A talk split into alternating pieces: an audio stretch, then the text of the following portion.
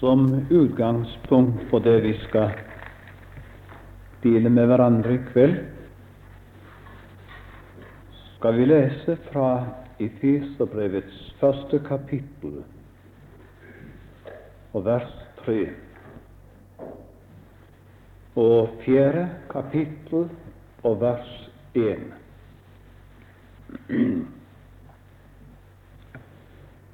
Lovet være Gud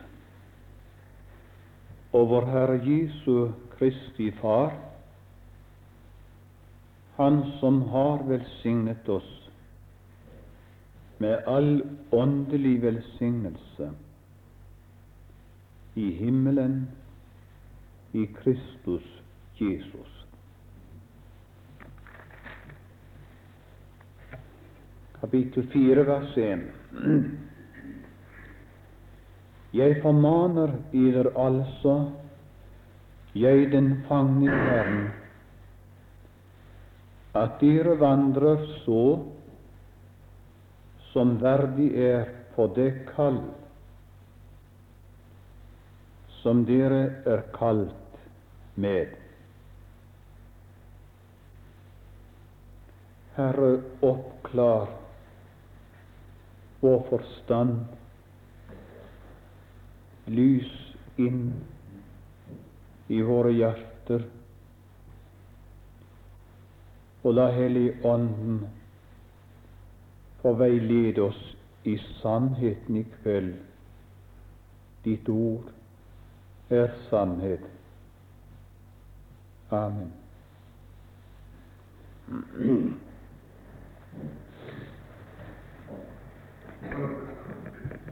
Det er noe som heter den troendes stilling og vandring.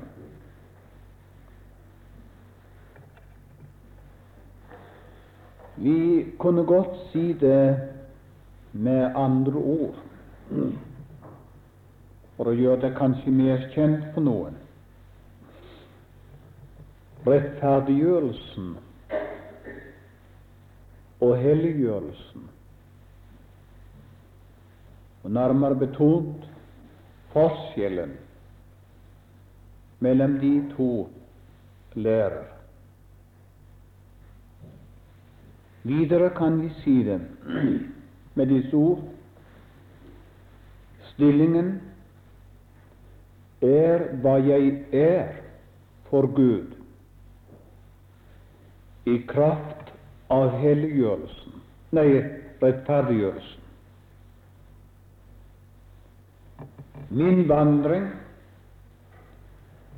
er hva jeg er i denne verden for Gud. De to tingene er det vi skal samles om litt i kveld. Vi sluttet vitnesbyrdet i går kveld med å prøve å vise hvordan et menneske blir frelst. Og ifra først til sist gikk det som en tråd at det skjer ved troen alene. De blir rettferdiggjort uforskyldt ved troen på Hans nåde osv.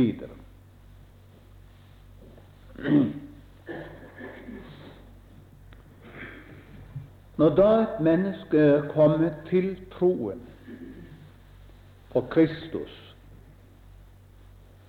som er ensbetydende med å komme til tro på Hans ord og løfter, og da særlig de frelsende løfter. Så skjer det to ting med det mennesket, eller rettere for det mennesket. Det første som skjer, det er at all deres synd tilregnes aldri mer. Det sier Romerbrevet 4, vers 8. Salig er den hvis overtredelser og synd ikke tilregnes. Og hva det ligger i det uttrykket 'tilregnes', det er uendelig meget.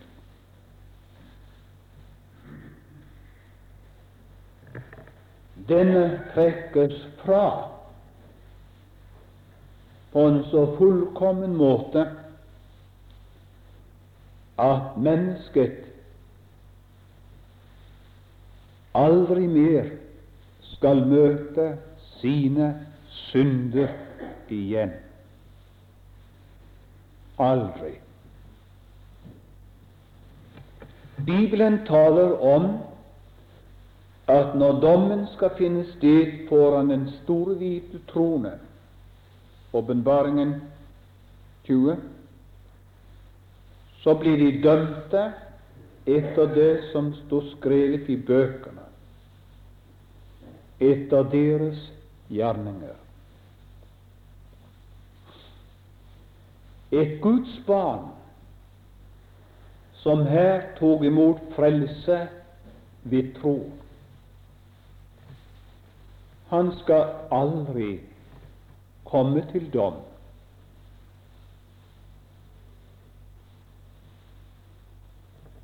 Hans gjerninger, hans arbeid, det skal prøves for Kristi domstol, vurderes om det er verdt belønning eller ikke. Men spørsmålet hans synder skal aldri tas opp. Spørsmålet om å møte Gud på en dommerplass, hvor det skal avgjøres om man skal til himmelen eller helvete, skal aldri bli tatt opp det er tatt opp. Det er tatt opp i en annen stedfortreders død og oppstandelse, og tilfaller ham som uforskyldt gave når han kommer til troen. Og i det er innbefattet en så fullkommen syndenes tilgivelse og forlatelse at synd tilregnes ham aldri mer.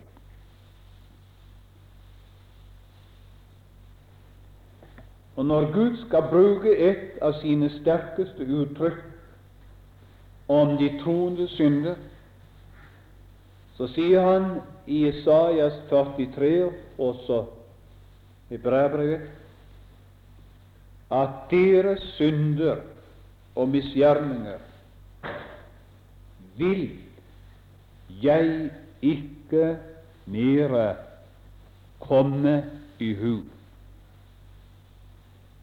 De er altså glemt av den allvitende.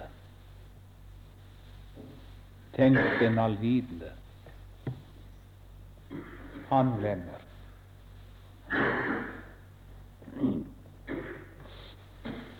Her er det mange troende, både nyfrelste og eldre,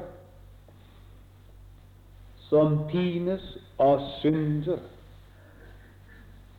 som de har begått i tidligere dager som følger dem livet igjennom som en fordømmelsens mørk skygge. Og om det aldri var gjort. Og gang på gang er de for Guds trone for å bekjenne om igjen og om igjen og om igjen den samme synd. Årsaken er kanskje at tvilen melder seg, munn den er tilgitt.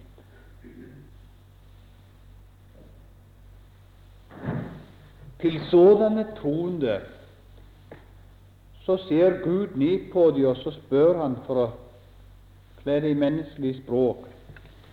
Det står forresten i Peters brev hans øre vendt til de helliges bønner. Men når de holder på og maser med han om det spørsmålet, så syns jeg å se han svar. Hva er det, barnet mitt, du snakker om? Alt det der er glemt. Jeg glemte din synd så fullkomment at du kan mase om det så mye som du vil. Det interesserer meg aldri mer. Sådan glemmer Gud når Han fraregner våre synder. Det annet som skjer, det er at det samme mennesket som tror på evangeliet til frelse, han blir rettferdiggjort.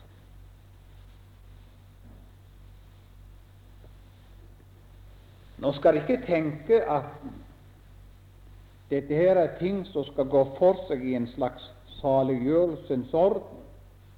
Først det, og først så det annet, og så det tredje, videre.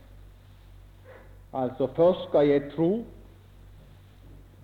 så kommer frelsen som nummer to, syndsforlatelsen som nummer tre, rettferdiggjørelsen som nummer fire.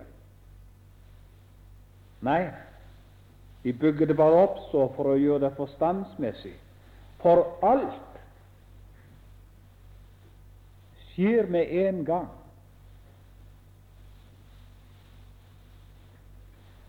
Oppe på Vennesla oppe på Kristiansand i gamle dager det var visstnok en vårmøte, som de kaller det, for Indremisjon. Så diskuterte de hva de gamle kalte for saliggjørelsens orden. Og en del av de var svært uenige på et punkt. De mente gjenfødelsen var én ting, og rettferdiggjørelsen en annen ting. Og at det var to forskjellige begivenheter og akter som fant sted i et menneskes liv. Så noen, iallfall Foss Johnsen, kjenner navnet Hagen fra Mossby. En original, Gud benådet mann og en god forkynner. Så ble han spurt om han ikke hadde et innlegg i saken. Så kom Hagen opp, han, også. han hadde alltid med han sto, og så trappa han han var full av ild. Jeg har alltid sett sånn at lamma blir puddet med ulla på.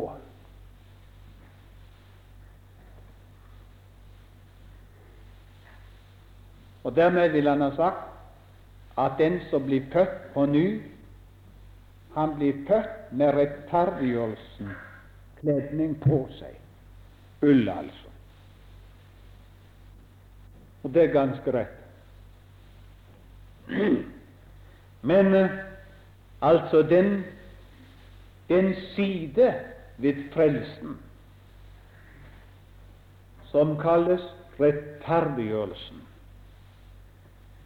som er i grunnen det som dekker alt, det er nemlig det største med frelsen. Og nå skal vi si, si litt på det, eller si litt om det. Nå vet jeg at det er flere sider som man kan ta fram om rettferdiggjørelsen. Men det er særlig én side som ligger meg på hjertet å få ta fram. Rettferdiggjørelsen er ikke først og fremst den side hva det skjer i meg og ved meg når jeg kommer til troen. Men rettferdiggjørelsen betyr hva der skjer med meg og for meg i himmelen.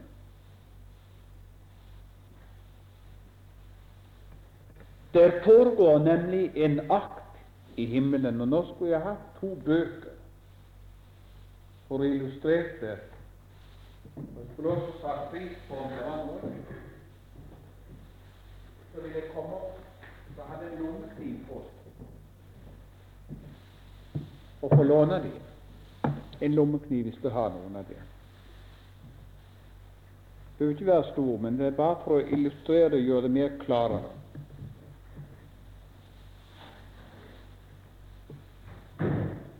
Takk skal du ha. Nå vet dere at ifølge første Korintiabrevet 15 så tales det om to Adamer. Jeg hadde visst besøk her av en skotte som het Adam. Og da hadde de tre Adamer i i en person.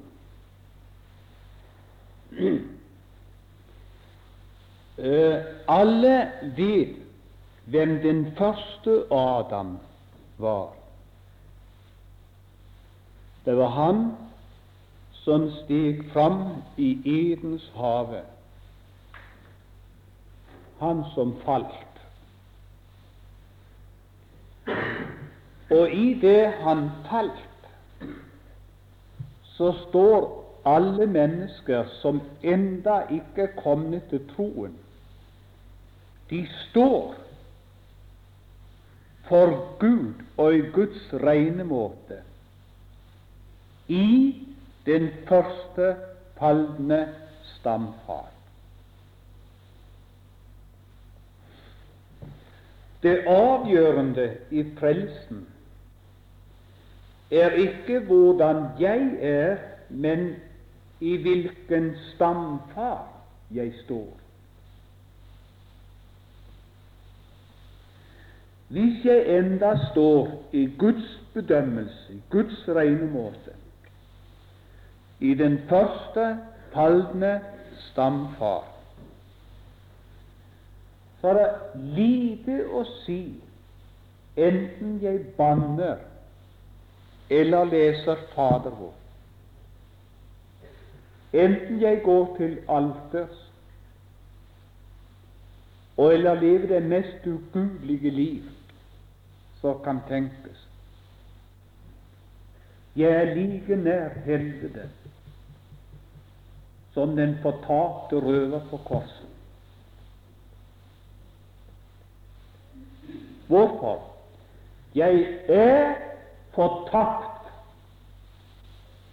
på grunn av at jeg står i en fortapt stamfar i Guds regnemål. Hva er så rettferdiggjørelsen?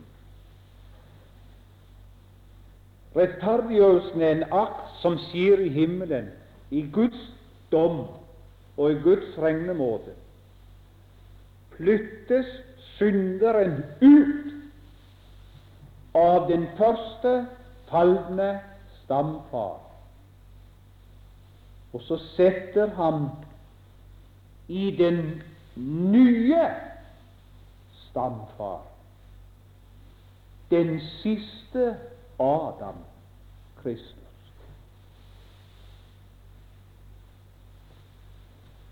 Og fordi den akten har funnet sted, er det at de har så meget ordet i i Bibelen. Lovet være Gud, leste vi, og vår Herre Jesu Kristi Far, Han som har velsignet oss med all åndelig velsignelse i himmelen, i personen Kristus Jesus, der jeg står nå i en ny stamfar i kraft av rettferdiggjørelse. Se, venner, den akt skjedde i himmelen da du kom til troen. Enten du visste om det eller ei. Enten du kjenner det eller ei. Gud tok deg ut av den første Adam og frelste deg inn i en ny Adam for seg selv, for å ha deg på en sikrere, bedre plass enn der. Det gjorde Gud i rettferdiggjørelsen. Følgende er da at et frelst menneske står ikke lenger i den første falne Adam for Gud og i Guds regnemåte. Han står bare i den siste Adam, i Kristus Jesus. Der er det Gud har. Der er det Gud har deg, som er rettferdig. Og det er på den hendelsens bakgrunn vi må forstå Romerbrevet 8, vers 1. Se hit igjen. Så er det da ingen fordømmelse for den som er i Kristus Jesus. Johannes 3 sier den som ikke tror, er allerede dømt. Hvorfor? Han står i en dømt stamfar. Men den som tror, løftes ut av den dømte stamfars tilstand og settes inn i ham som er ferdig med dommen og døden på korset, og settes inn i den person som aldri mer kan komme under fordømmelsen og dommen. Derfor, dere, så er det da ingen fordømmelse for den som er i Kristus Jesus. Vi tar et ord til. Det er Filsebrevet 2. Gud som er rik på miskunn, har for sin store kjærlighets skyld, som Han elsket oss med, gjort oss levende med Kristus. Enda vi var døde ved våre overtredelser, av nåde er vi frelst, og oppvakt oss med ham. Og satt oss med ham i himmelen, i Kristus Jesus. Troende venn, vet du at Gud har frelst deg på en slik måte gjennom rettferdiggjørelsen har Han alt fått deg til himmelen i en annen person. Samtidig som du går her på jorden. Her går du i kjødet. I frelsen er du alt brakt til himmelen i en annen mann og annen person. Dere eldre husker krigens mørke dager. Det var ikke så lett å reise, og særlig reise som predikant i den tiden. Vi var selvsagt avhengige av busser og tog. Busser gikk sjeldne, tog likeså. Overfylt alle plasser. Og fram måtte vi for å holde løftet og komme fram til møtet. Og vi måtte trenge oss på mange ganger for å få smøye oss inn og komme med. Jeg fikk mange lange øyne og skarpe øyne. Uff, og predikanten, du.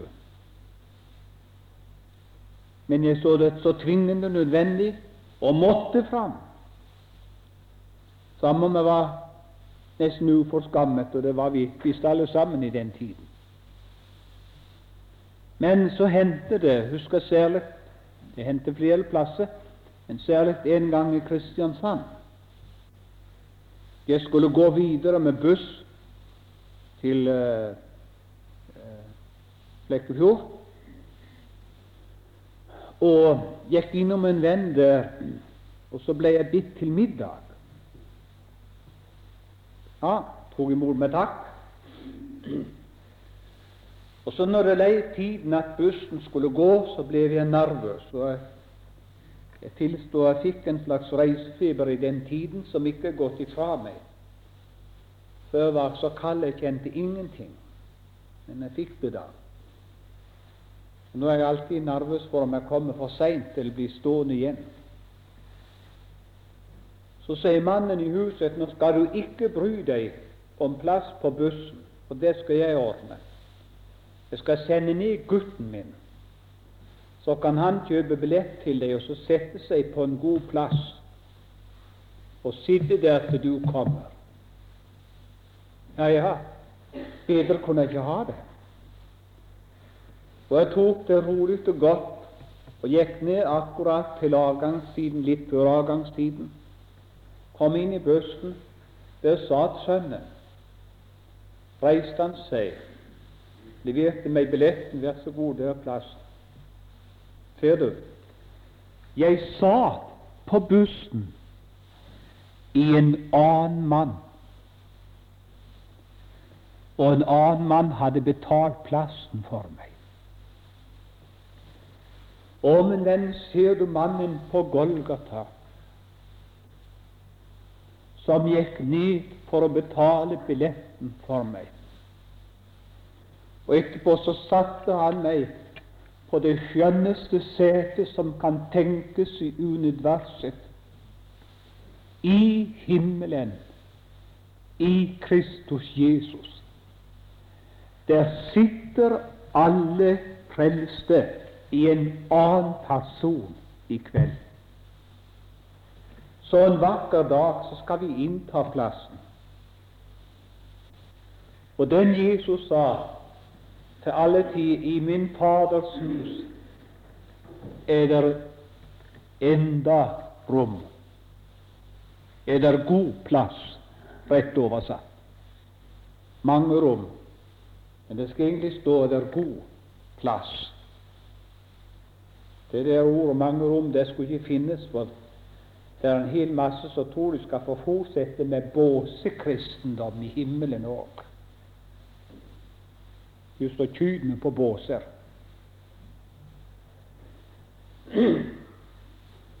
Nei, i min fars hus er det god plass, for det er plass for Jesus i himmelen. Og der er plass for meg. Vi går et skritt videre. 2. Korintiabrevet 5, 17. Derfor, dersom noen er i Kristus Jesus,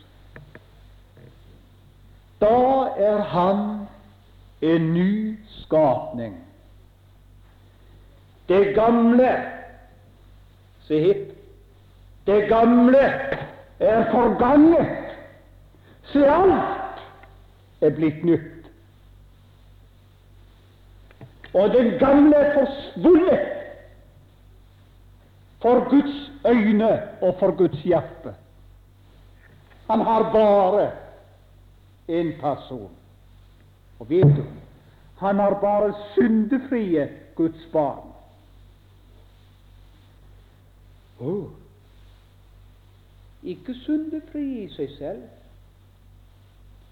men syndefrie i den siste Adam, Kristus Jesus.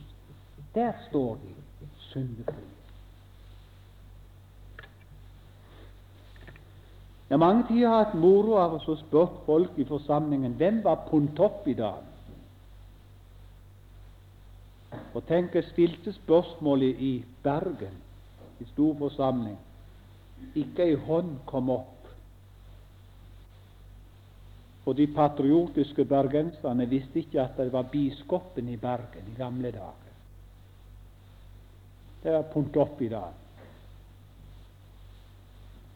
Det sies at han har lansert den kjente setning Gud anser oss i Kristus Jesus som vi aldri har syndet Du snakker om evangeliet. Og du snakker om gamlekarene hadde syn på rettferdiggjørelsen. Nå er det kommet så langt at hvis du preker i den retning, så bedømmer de for å være forkynne ansvarsløs kristendom og ta det for lett. Andre ganger igjen de er reformert. Nei, mine venner, hvis jeg er 100 Luther, så er det i kveld. For det er Luthers forkynnelse.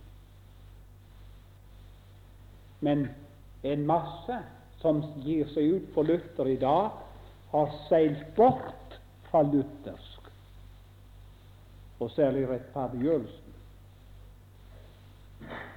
Men neppe i uttrykket han anser oss i Kristus Jesus ikke som at vi synder én gang, og så plutselig holdt opp, og så begynte vi å være syndefrie. Han anser oss i Kristus Jesus som vi aldri skulle ha syndet. Akkurat som Adam og Iva i Edens hage før syndefallet. Da var de i en tilstand hvor de aldri hadde syndet. Sådan er din stilling i Kristus Jesus. Og fordi at du gjennom rettferdiggjørelsen er løftet inn i en så høy stilling, er det at Johannes skriver i 1. Johannes brev, kapittel 3 Se hvor stor kjærlighet at Faderen har vist oss, at vi skal kalles Guds barn. Og det er vi. Vi er det. Dermed ser vi gjennom rettferdiggjørelsen løftet inn og opp i guddommelig familie. Guds sønn er den førstefødte framleis. Men hver eneste frelst er hans sønner eller døtre. Gud, altså. Og det var nettopp etter oppstandelsen Jesus møtte Maria ved graven, og så sa han, Gå og si til mine, mine brødre Jeg farer opp til min far og eders far. Den samme far som er min, også eders. Hvorfor? Oppstandelsen er ferdig. Gjennom oppstandelsen er det forent med meg og løftet opp og inn i guddommelig familie. Gjort til ett med Guds sønn.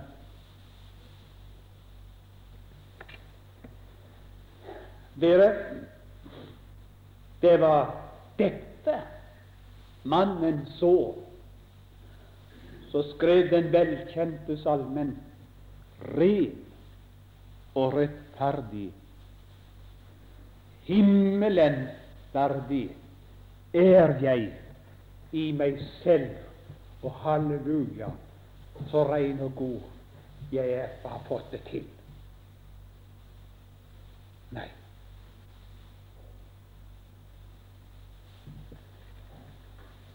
Ren og rettferdig, himmelen verdig er jeg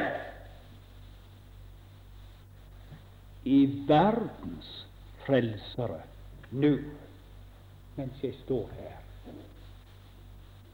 Og vil du høre hvordan den er i, i meg? Ja. Der er det slik at jeg har takket Gud for han ikke har bønnhørt meg når jeg synger Vis meg fordervelsens avgrunn i meg. Hvis jeg blir bønnhørt da, så blir jeg sendt på asyl. Og takk Gud for du slipper å si det. Sånn er det.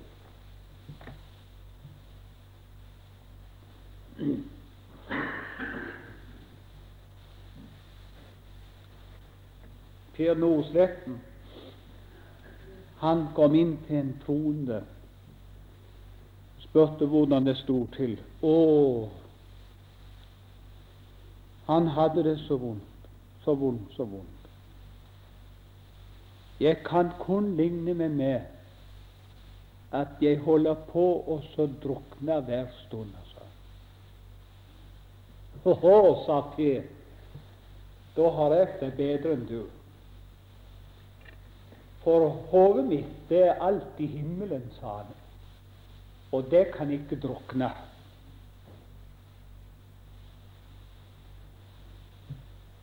Han kombinerte det med vi er Kristi lemmer, og han er sitt legemets hoved.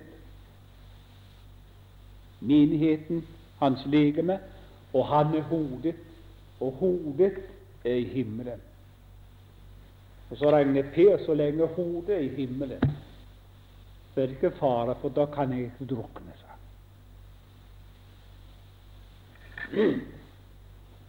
Nå jeg er klar over at mange har hørt disse sannheter, iallfall hovedinnholdet av dem, på mange forskjellige framstillinger før.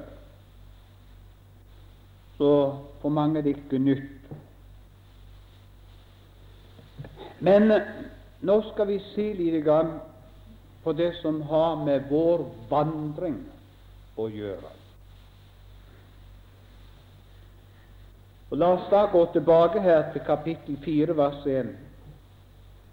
Jeg formaner eder altså jeg den fangne i Herren, at dere vandrer Det er første gang ordet 'formaner' finnes i Efeserbrevet. Og hva formanes det til? Å vandre. Ja, men litt mer. Å vandre således. Verdig for det kall som dere er kalt med.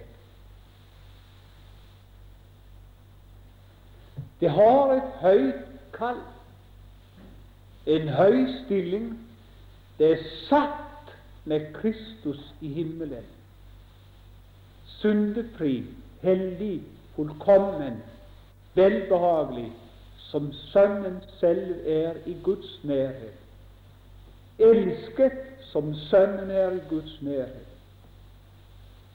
Og fordi dere er så høyt løftet i frelsen og for Guds hjerte, så formaner jeg dere vandre nå her nede et liv som er verdig den høye stilling det har.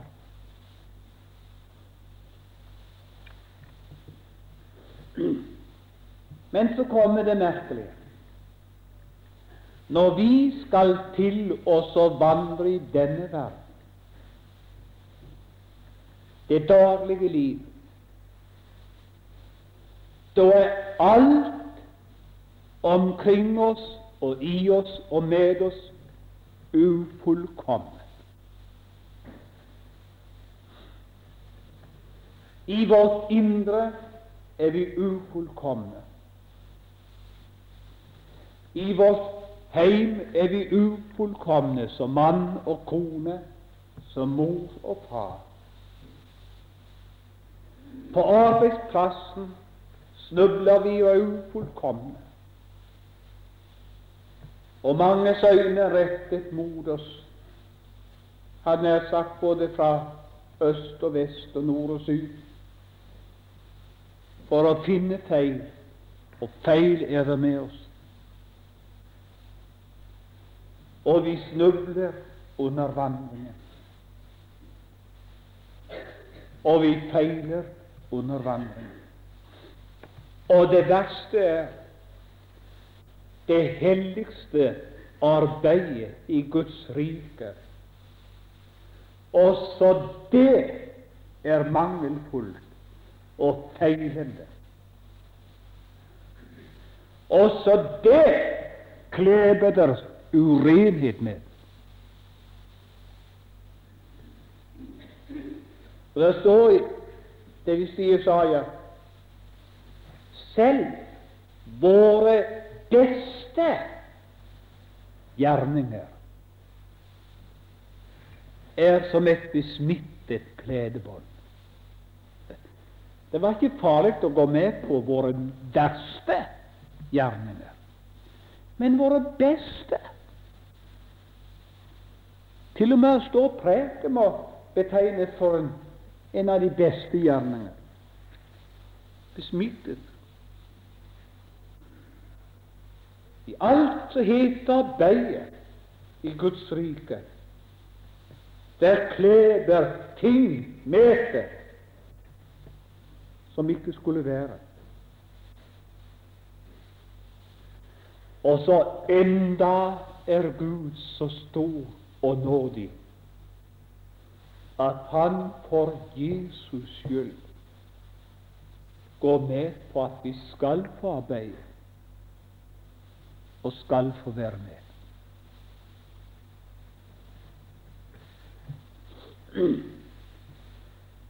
Da er det at mange, når de skal til å vandre for Kristus her i verden, oppdager så grusomt de kommer til kort. Og på grunn av at de kommer til kort, så gir de ærlig opp og sier jeg kan ikke og vil ikke være en hykler.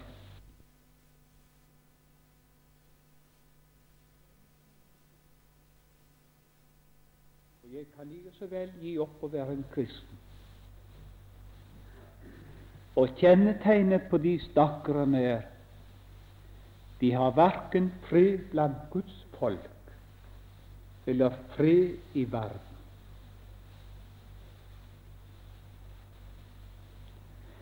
Andre igjen, de glir på en fin måte inn i gjerningsstrevet under loven med hele sin helliggjørelse.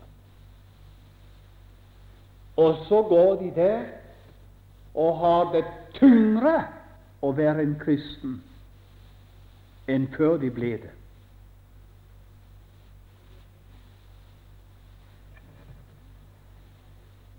Hva var hemmeligheten? Eller hvorfor gikk det så? De hadde ikke lært å skilne mellom rettferdiggjørelsen, min stilling i Kristus, og min vandring her nede for Kristus. De blandet de to tingene sammen.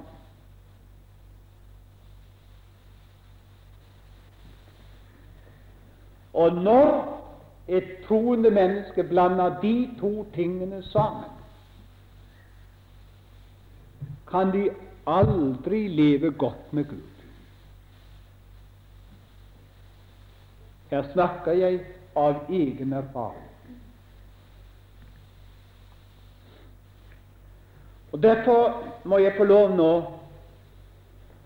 å be deg om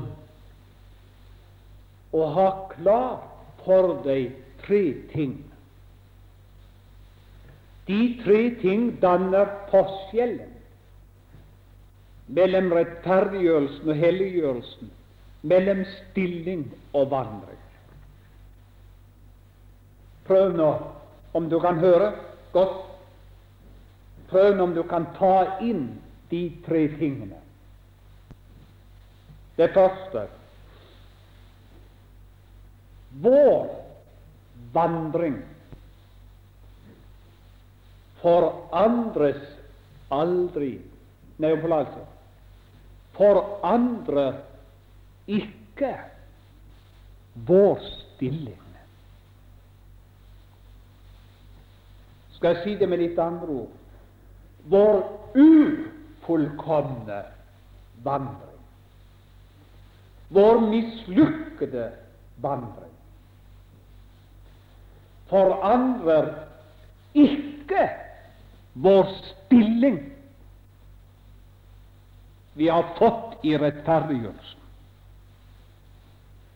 for Gud. Kan du ha det klart for deg?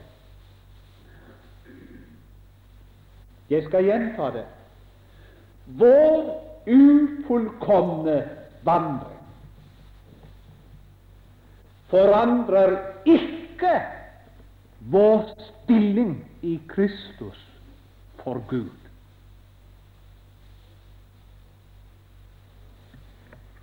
For noen år siden var jeg oppe i Trondheim, og en kveld vi ikke hadde møte, så gikk jeg sammen med en venn av meg en tur opp til fjells. Det var høstkveld, en vakker høstkveld med frost, litt frost, og stjerneklar og vakkert måneskinn. Veien snurret seg omkring et, et vann. Og der borte i vannet, der skein månen så vakkert og fint og speilglass stille vann, samtidig som der oppe. Så sa min venn nå skal jeg lære dem en lekseline. Så tar han opp en stein ifra veien. Så slynger han til og traff månen i vannet. Så den gikk i hundreder av stykker. Så sa han slik er det med vår vandring, vår helliggjørelse. Den går i stykker for det minste ting som vi møter. Ser du, Line, månen der oppe, den står like trygt. Steinen nådde ikke den. Hør, min venn, dine fall, dine nederlag, din kommen til kort, din snubling om dagen, kan aldri rykke månen der oppe. Kan aldri ta bort den høye stilling du er løftet opp i en annen person for Gud. Om så var, er det ingen av oss som når himmelen. Vi kan bare skrive 'fortapt' over oss alle. Det andre du må ha klart for deg, det er å ikke gjøre din vandring om til din stilling. Jeg skal prøve å gjøre dem, si det med andre ord for å klarlegge det. Du må ikke tenke at din vandring ettersom du får den til, gjør deg antagelig for Gud. Det var der jeg satt fast som en ung kristen. Og der sitter hundrer fast, også i denne byen. Ikke minst unge troende og det er der de skulle hatt hjelp. Skal jeg si deg akkurat hvordan jeg hadde det? Jeg hadde det slik at hvis jeg avsluttet dagen og så litt tilbake på livet mitt om dagen ja, Så syntes jeg jeg hadde virkelig fått det til. Jeg var åndelig i dag og fikk det til med bønnlivet mitt så godt. Og hadde frimodighet å tale med andre om åndelige ting og uomvendte. Og så hadde jeg litt mer kontroll over munnen min i dag. Over tankelivet mitt og fantasien min. Og så holdt jeg gamle Adam i sjakk så han ikke blåste seg opp. Og når jeg da var litt på møte med meg, så Jo, i dag, vår Herre, må det sikkert være rett med meg. I dag er jeg sikkert ditt barn. Og så velsigna godt det var å be og holde aftenandakt. For du var så sikker på at det var i orden. Du hadde fått det så godt til. Og fordi du i egne øyne hadde fått det så godt til med din helliggjørelse, trodde du at nå er du antatt bedre av Gud enn du var i går. Ha? Så var det neste dag så var det et fromt, godt løfte i bønnen om morgenen om å leve for Gud. Og så skulle du være politi over deg selv i dagens løp. Så var det ikke før kommet til middag, så røk det. Og så mistet du både frimodighet og be til Gud, og gleden til Gud. Og så, før kaffetid, så var det noe nytt som møtte. Så ble det enda verre. Også når kvelden kom, så hadde du ikke frimodighet å gå på møter engang. Og gikk du på møte, så var du så hjertetegn der ikke ble vitnemøte og bønnemøte, så du fikk smyge deg ut i all stillhet. Ja, ja, men så skulle du nå til å sove, men så fikk du ikke sove. Du syntes du måtte ha et oppgjør med Gud likevel. Og så begynte du, kjære Gud, jeg kan visst ikke være ditt barn lenger, jeg så har det slik, og så er det slik. Og så har det gått med deg som med meg, jeg vedet hotepuden så mange ganger. Men i kraft av kjødet i meg, så tok jeg meg sammen. Og så lovte Gud bod og bedring at nå skal det bli annerledes. Og har jeg ikke vært omvendt før, så skal jeg omvende meg i kveld. Har jeg ikke vært rett med meg før, så skal det bli nå. Har jeg aldri kommet til Jesus før, så skal jeg komme nå. Nå skal det bli alvor. Neste dag så var det på han på nytt liv og på ny omvendelse. Og på ny kommen til Jesus. Dette passer på meg. Jo, sannelig fikk jeg det til. Og når kvelden kom Takk, kjære Jesus, for nå er jeg ditt barn. Det er alt i orden. Alt det der. Kjenner du det igjen? Vet du hva det betyr? Det betyr at du har gjort din vandring om til stilling for Gud. Det er hele teilen. Og skilner ikke mellom min stilling og min vandring.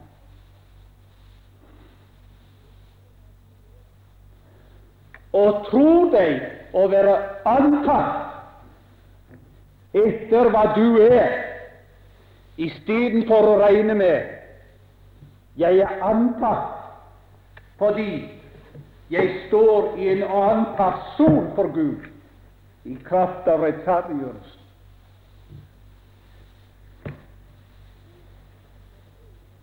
Å, men venn, om dette kunne hjelpe deg, og så regne med at hvordan det føles og hvordan det går her nede, da skal du enda få være. Hvorfor?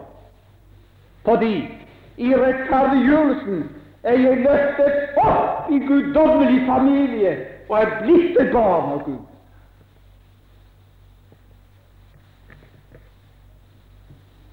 Og så det siste, for unnskyld om jeg er litt lenge i kveld. Min vandring her nede skal dikteres av min høye stilling.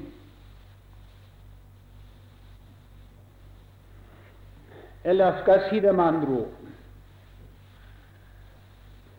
Kraften til å vandre rett, kristelig og åndelig og hellig her nede skal jeg få i oppdagelsen av min høye stilling i Kristus. Der ligger kraften. Og ut fra den høye stilling er det at jeg er kalt til å vandre verdig den høye stilling, men ikke vandre for å oppnå noe angående stillingen, men vandre fordi jeg har en så høy stilling. Se her, dere, mange lever, vandrer, oppfører seg for å oppnå en høy stilling, Nei, fordi jeg har en så høy stilling, er jeg kalt til å vandre i overensstemmelse med den stillingen. Kanskje et, et bilde, et tankeeksperiment. Da vår nåværende konge, kronprins Olaf, nei, Olaf, var kronprins Så vidt dere han reiste landet rundt, og kanskje han besøkte vel også Flekkefjord, og eh, kom da hva vi kaller på offisielt besøk. Så kom han, hvis han da kom her til byen, da, ble det slått opp noenlunde program for hans besøk. Kommer det det tog, eksempel, så var det rød løper fra toget og bort til bilen. Og så ble det tale, stedets autoriteter, ordfører, fylkesmann osv. Og så måtte han holde en svartale. Og så var det å kjøre videre til, til gjerne en lunsj hos byens ordfører eller rådmann eller det høye etater. Og så til slutt var det en runde i byen for å se seg om, for byen skulle få se ham. Og skolebarna skulle være fri møte opp med flagg og vinke osv. Og, og gjerne til stor middag, galla til kveld og en avslutning, bankett eller hva det var. Og så reiste han. Si meg en ting. Oppførte kronprins Olav seg slik for å være og bli kong Haakons sønn? Hva?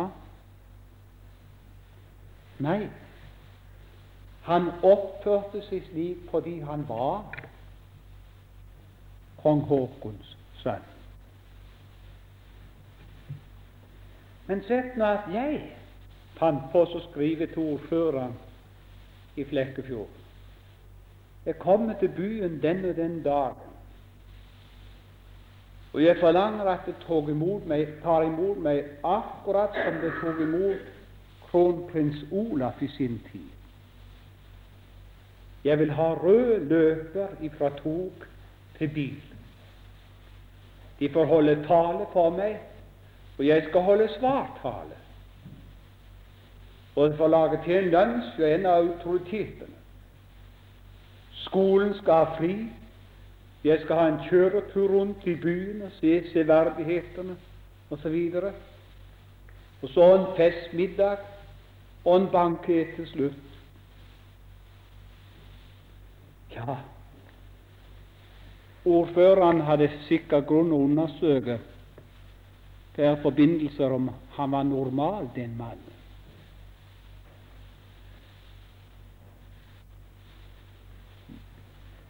Og, og hvis han da fant ut det var normal, så hadde han iallfall grunn til å skrive meg et kort brev, sagt på ekte godt norsk. Herr Karsten Line, du er en god tosk. Det valgte fortjente. Men hvis noen da ville spurt meg hvorfor forlangte du å bli mottatt sånn, jo, hvis jeg kom på den måten og oppførte meg på den måten, så kanskje jeg òg kunne bli kong Haakons sønn. Du er enda galnere, Karlsen. Du kan aldri bli kong Haakons sønn og kongelig, for du må bli født til det. Det er her de egenrettferdige holder på og latterliggjør seg for både himmelen og djevelen. Vi skal ta på livet helliggjørelseslivet før de har fått livet Gud, før de er født på ny. Og det er ikke undres på de blir litt rasende på de som er født av Gud, og de forkynner den uforskyldte nåde. Og de hører at de har det like godt med Gud om det går i stykker for dem. Og de regner med mannen på tronen. Og regner på de ei guddommelig familie.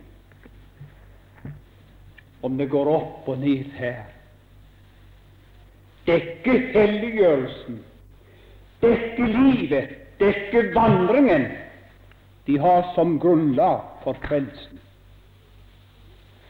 Men livet, vandringen og helliggjørelsen er noe jeg vil leve og være fordi jeg i rettferdiggjørelsen er løftet opp til en så høy stilling i Guds nærhet. Men det er så vi må prøve å leve for Gud. Hadde jeg nå Frikirken full av ungdom, så skulle jeg tatt opp litt av dette såkalte adaforia-spørsmålet. Mellomtingene. Det som ungdommen er så opptatt med hva skal, Er det synd? Er det synd? Er det synd? Er det galt? Er det synd? Er det galt? Spør de det uendelige. På et bibelkurs, ungdomskurs, så fikk de spørsmålet er det synd for en kristen å danse. Og Det svaret skulle jeg svare på. Vet du hva jeg svarte? Hvis det passer seg for et Guds barn, så dans til du får blodstyrken. Så kan du visst ikke ha gjort noe bedre for vår Herre. Så mine venner, bare spør spørsmålet ikke om det er synd, om det er synd, om det er synd, men spør bare passer det seg for et Guds barn å oppføre seg slik. Det er der prøven skal være. Ja. Fader, takk for du hjalp i kveld. Må du ta disse ting vi har talt om, og så senke dypere ned, både i tankelivet og i hukommelsen, og framfor alt i hjertet, og skape dem til en virkelighet i vårt liv her så vi kunne gå fra hverandre mer trygg på vår frelse. Ikke glemme så snart bildet av den siste Adam, hvor vi er satt. Men samtidig også med en større lengsel at vi lever verdig det kall vi er kalt for og kalt med. Så vi midt i denne onde løgnens og syndens verden kan være et lite lys for menneskene som seiler mot evigheten. Herre, det er du som må virke alt i oss, også kraften til å leve for deg. Amen.